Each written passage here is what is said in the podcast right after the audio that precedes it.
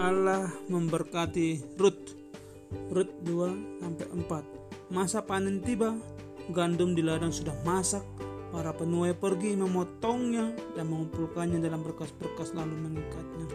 Ketika penuai mengumpulkan dan mengikat gandum dalam berkas-berkas, sebagian gandum itu tercecer.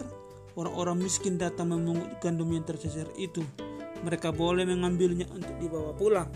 Rut berkata sama Naomi, biarlah aku pergi ke ladang untuk memungut gandum yang tercecer. Naomi mengizinkannya, Rut pergi ke ladang seorang bernama Boas, ia seorang yang kaya. Rut mengikuti para penuai di ladang dan memunguti gandum yang tercecer. Setelah beberapa lama Boas pergi ke ladangnya, ia melihat Ruth dan ia bertanya kepada orang-orangnya, siapa wanita muda itu? Orang-orang itu menjawab, itu Ruth, ia datang dari Moab bersama Naomi. Lalu Boas pergi ke, untuk berbicara dengannya. Ia ramah samanya katanya, Aku telah mendengar tentang engkau, aku tahu bahwa engkau berlaku baik terhadap mertuamu. Allah akan memberkatimu karena perlakuan baikmu. Dan Boas menyuruh datang lagi besoknya untuk memungut, memungut gandum yang tercecer. Boas kembali menemui penuai-penuai katanya kepada mereka, Hei, kalian jangan pedulikan wanita muda itu ya, biarkan dia memungut gandum lagi besok.